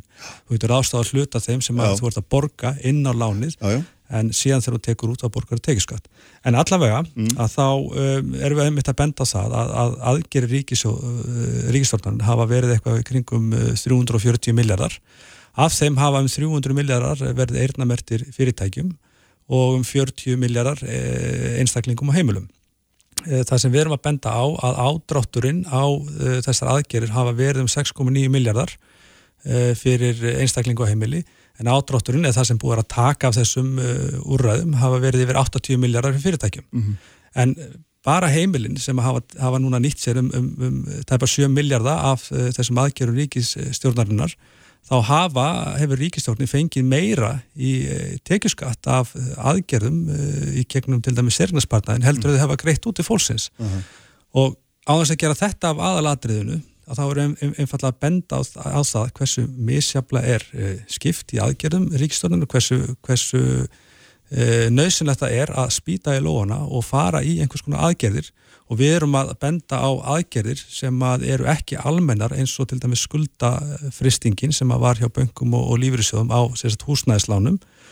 Eh, það, eh, það er aðgerðin ánáttúrulega ekki til fólks til dæmis á legumarkaði það eru um 50.000 einstaklingar á legumarkaði eh, þannig að og þetta næri ekki til dæmis yfir margar aðra skuldbindingar sem heimilin eru með. Þannig við erum semst að leggja til að það veri farið í uh, sértækar aðgerðir en ekki almennar aðgerðir af því að almennar aðgerðir aftur það er, eru þess eðlis að það er ná ekki til oft hópana sem við erum að reyna að ná til. Og uh, emitt, það er maður sem bendir til þess að uh, það er þau úrraði með fristingu og lána að það er hafa ekki virka sem skildi þannig að við erum að leggja til að stuðningslána kerfi þar sem að fólk fer bara í nýtt greiðslumat og þú kannski vast með 500.000 krónur í ráðstofunatekjur eh, eða þurftir, mm. þurftir það fjölskyldan, stór fjölskyldan og nú eru tekjurnar 350.000 og það vantar þetta upp á uh, til þess að standa skil á til dæmis skólamáltíðum, til þess að standa skil á bara svona venjulegri og eðlilegri neyslu, kaupi matinn og, og, og reyka heimili.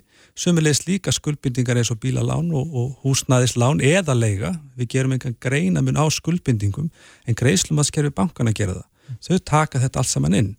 Þannig að það sem við erum að leggja til að fólk uh, sem hefur lendi í tekjufalli meðal annars út á atvinnumissi fari í nýtt greiðslumat, banki metur uh, greiðslu, hvað sé ég, uh, þörfina, uh, það vantar kannski upp á 150.000 þess að ná endur saman samkvæmt greiðslumatskerfinu og þá færðu 150.000 krónur á mánuði lánað í alltaf 18 mánuði mm -hmm. sem stuðningslán.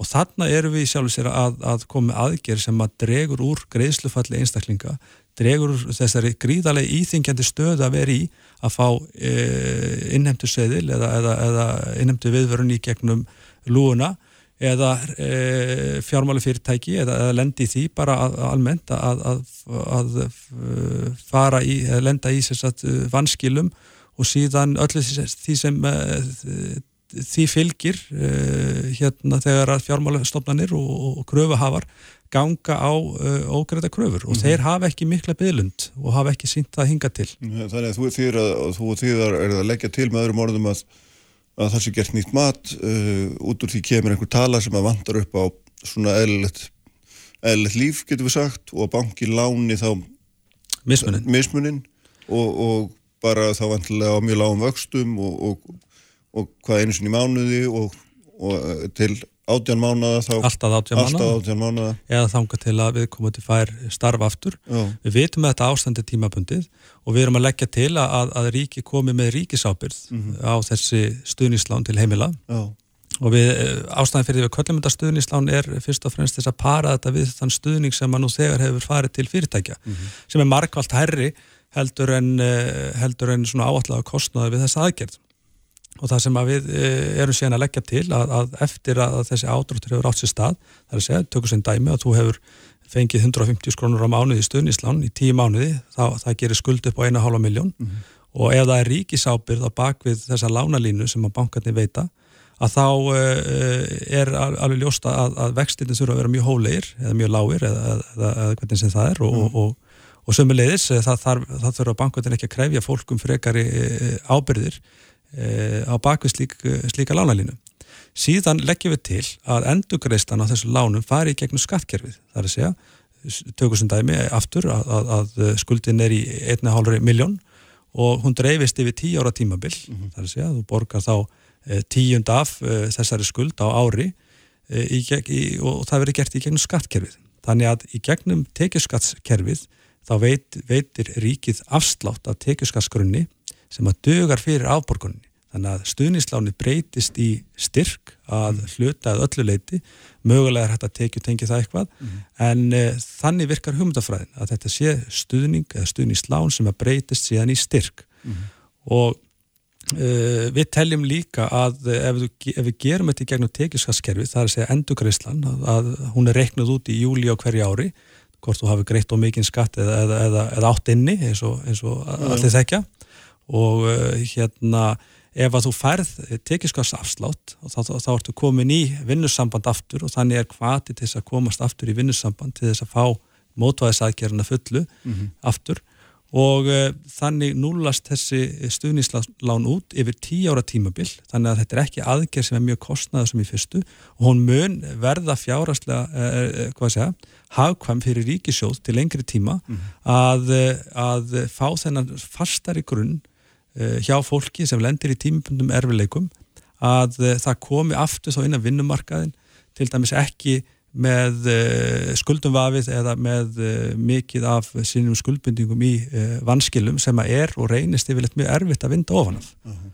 Og þessar aðgerið sem að hef, ríkstofnin hefur færið í, varandi til dæmis hækkun atvinnuspóta, þetta dögar svo skamt. -huh. Þetta er langt, sko atvinnuspætur eftir skatt eru langt undir öllum framfæslu viðmiðum og dugar hreinlega ekki til að lifa af. Fólk er að ganga sinn sparnað, fólk er að retta sér og þetta er fyrirsjánulegu vandi sem við getum uh, leist og uh, gert það mjög skinsamlega til þess að viðspilnan verði síðan betri, sérstaklega hjá einstaklingum og heimilum mm -hmm. og við lendum síðan ekki þeim vítarring sem við lendum í hér eftir hrun að fólk bara hreinlega gefst upp þegar að það uh, hefur verið að berjast við kerfin of lengi að uh, þetta sé bara einfallega mjög góð leið sem að mun uh, á endanum ekki kosta neitt. Já. Þannig að hvað hva reiknir þið með eða svona sjáðu fyrir ykkur að margir þurfa að fara í gegnum svona uh, hafið ykkur hugmyndu um það? Já, við, sko, við erum alltaf aðra stöðu núna heldur en kannski fyrir tveim mánuðu síðan. Nú eru um 20.000 manns atvinnlausir eða yfir 20.000 manns uh, og um 5.000 manns eru í skertu starfsflutalli uh, þannig að við erum með fjöldan. Við erum farin að sjá uh, allavega í bólefni að verðist og vonandi sem allra fyrst og uh, þannig að við reiknum með að þessi aðgjörn munum kosta um 80 miljardar fjármögnuða sælabankanum og síðan getur þessi upp að náttúrulega hækka og lækka eftir hvernig og hversu fljótt og vel við náum að spilna við eftir að, að bóluefnið er að fullu komið fram. -huh. En þannig eru fjölmargir aðlæg sem þú nefna, það eru þetta, hérna, ríkið, það eru bankar, það er sælabankin, það er skatturinn hvað ertu búin að fara með þetta hérna víða, er, er, er þetta ennþá bara hugmynd sem þið hafi rætt ykkar er hann í verkefliðsæðingin, er þið búin að fara og testa þetta, prófa þetta hjá einhverjum öðrum eða hvernig er? Já, já, við erum búin að uh, þetta er ekki bara vafferhugmynd, mm. þetta er uh, orðin uh, samþýtt stefna alþjóðsambandsins að, að fara þessa leið. Við byrjum að vinna þessu síðast leið vor og uh, þá vorum við að vinna miklu sé, floknar aðgerðir. Mm. Við vorum að reyna að finna út hvernig getum við hjálpa fólki á legumarkaði, hvað er við að gera við varandi bílalánin, meðlægið, uh, námslánin, hvað er við að gera varandi húsnæðislánin. Við vorum að reyna að finna leiðir til þess að grýpa hverja skuldbindingu fyrir sig mm -hmm. en þegar við fundum þessa laust sem við vorum að hugsa fyrir fólk á legumarkaði að uh, þá áttuðu okkur fljótlega á því að skuldbinding er skuldbinding og við, gerum, og við þurftum ekki að gera neitt greina mun á því. Þannig varðirinn aðgerið miklu einfaldari og það er einfaldleikin sem er líklegastu til þess að, að uh, þessi úrræði að þau gagnist fólki og gagnist samfélaginu og uh, þannig fórum við með þetta fram uh, fyrir um einum og hálfu mánuði síðan og kynntum bæði fyrir uh, ríkistjónunni, við erum búin að kynna þetta fyrir böngunum mm -hmm. og þeir treysta sér í að, að fara í þessa vegferð á þess að myndist langir bygglistar að því við veitum það eins og til dæmis gerist í eftirmálinu hrunsins eða þú ert komið ofinbæra stopnum sem ætlar að taka við þúsundum einstaklinga og fara að greina þá eitthvað sérstaklega mm -hmm. að þá verður byðröðin orðin ansi laung á mm -hmm. mjög skumum tíma eins og til dæmis á vinnumálastofnun í, í síðastliði vor að þá var byðlisti eftir afgriðslu atvinninsbota 12-14 vikur en bankakerfið er með þennan infrastruktúr mm -hmm. til þess að þeir eru með greiðslumatskerfin sem eru á mörguleiti góð og uh, þó, þó, þó að þau séu ekki eins að þá er þeim að mörguleiti góð og það er erfitt að komast svona, segja, framhjá þeim eða, eða, eða svindla þeim Þannig að, eh, og viðskiptabankiðinn, hann hefur þína greiðslusögu og hann hefur allan aðganga þeim upplýsingu sem að þarf til þess að, að gera þetta fljótt og vel. Og sömulegis er það eina sem ríkist þarf að gera, það þarf að samþykja þessa lánalínu frá seglabankanum mm -hmm. til þess að tryggja það að bankarnir geti lána þetta út á þess að fara eh, krefjast frekari veða mm -hmm. eða, eða trygginga og þetta er mjög mikilvægt atrið vegna þess að... Ríkið þar með öðrum vonum að gangast í ábyrð fyrir endurgröðslega. Já, það er eina, vegna þess að ef við erum að fara að tala um til dæmis einhver sértæk úrræði gegnum húsalegubótakerfið, sértæk úrræði þarna og þarna sem að þarf að fara jafnvel í gegnum löggefan, að þá getum við glemt því að þetta verði leist, þetta mál, á meðan þetta er framfæsluvandi. Við erum með núna vandamál sem er framfæsluvandi. Við erum á bjargbrúnunni með því að missa þennan vanda yfir í alvarlegan uh, skuldavanda og uh, ákveðna útgáfu eða bara jæfnir fjármála kreppu ef að uh, fólk lendir í miklu greiðslufalli og þá sömulegis verður það þá keðiverkandi inn í bankana, fjármáknuna fyrirtækin og jæfnir hjá lífriðsjóðu líka að, að fólk get ekki staðið sku, skila sínu skuldbindingum mm. vegna þess að það þarf að taka ákvörðunum það hvort það ætla að kaupa í matin eða borga reikninga og það, þetta er algjört líkilatrið, við höfum svo skamman tíma til stefnu þetta er, við erum að tala um í vikum frekar en mánuðum, ef við ætlum að grýpa þennan vanda sem framfæslu vanda, ef við ætlum að grýpa þennan vanda á þess að missa algjörlega stjórn á honum og þurfa síðan að fara í, mm -hmm. segja, í aðgerða fasa eins og að farið í hér eftir hrun. Og þá erum við að tala um umbásmann skuldara, við erum að tala um mikla óvissi á fólki og í sjálfur sér uh, vandamál sem að munu draga mjög mikið úr viðspyrnustyrk uh, samfélagsins. Hvað, hva, hérna, þú ert búin að tala um bankana og, og, og hérna, og viðar, hvað, hvað, og þú ert búin að kynna þetta í ríkstjórn? Við erum búin að Eða kynna þetta fyrir, fyrir einhverjum ráðhörum í ríkistöldinu ef að gera það þannig? Við erum búin, bæði búin að kynna þetta fyrir ríkistjórninu og einhverjum eins og hún nefnir, og síðan erum við líka búin að kynna þetta fyrir bönkunum, við hefum líka kynnt þetta Hvernig var, fyrir fleiri líki greinlega, er líki laðlinn því að þetta snýst allt um ábyrði þess, er það ekki? Meina, það, það, það, þeir- er það sem er lokar nikkurinn þeir sem að hafa að farið yfir þetta með okkur og við höfum verið að kynna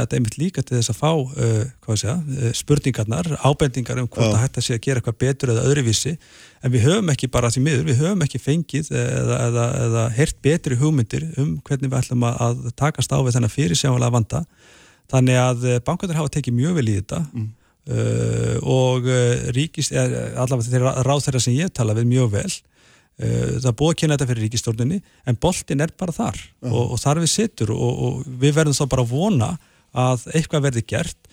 En uh, það er þá ekki út af því að það er ekki hugmyndir. Það er ekki hugmyndir á lausnum heldur þá frekar út af því að uh, ríkistjórnin tekur þá bara meðvitað og upplýsta ákvörðinu það að uh, hér verður öll úrræði bundi við fyrirtækin, heimilunum verður fornað aftur en það er hægt að koma í veg fyrir það með einföldum hætti. Ragnar, takk fyrir að koma. Skeilegum málflutningur að venju en við verðum að láta sprengisendurum lokið í dag. Ívar Davíð Haldursson styrði útsendingu uh, allt efnir á vísi.is og bilgjam.is og svo má líka finna okkur á Spotify. Sjálfur verðið sem með ykkur hér eftir viku. Verðið sæl. Takk.